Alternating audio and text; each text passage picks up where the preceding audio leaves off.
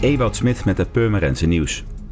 Gistermiddag heeft er omstreeks half drie een mishandeling plaatsgevonden op het Ouderlandsdijkje ter hoogte van de busbrug. Hierop is de politie ter plaatse gegaan, waarna ook de ambulance is gewaarschuwd.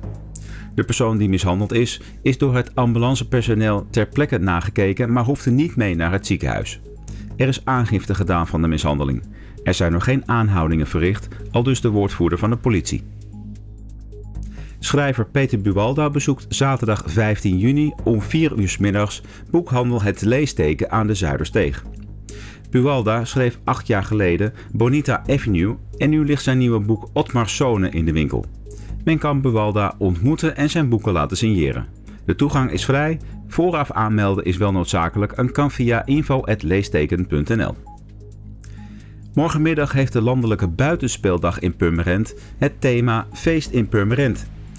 Alle kinderen in Purmerend en omgeving kunnen dan meedoen aan het gratis speelspektakel in het teken van feesten.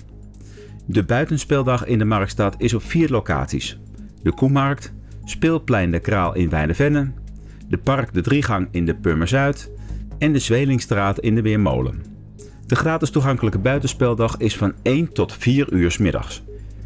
En voor meer nieuws kijk of luister je natuurlijk naar RTV Purmerend, volg je onze socials of ga je naar rtvpurmerend.nl.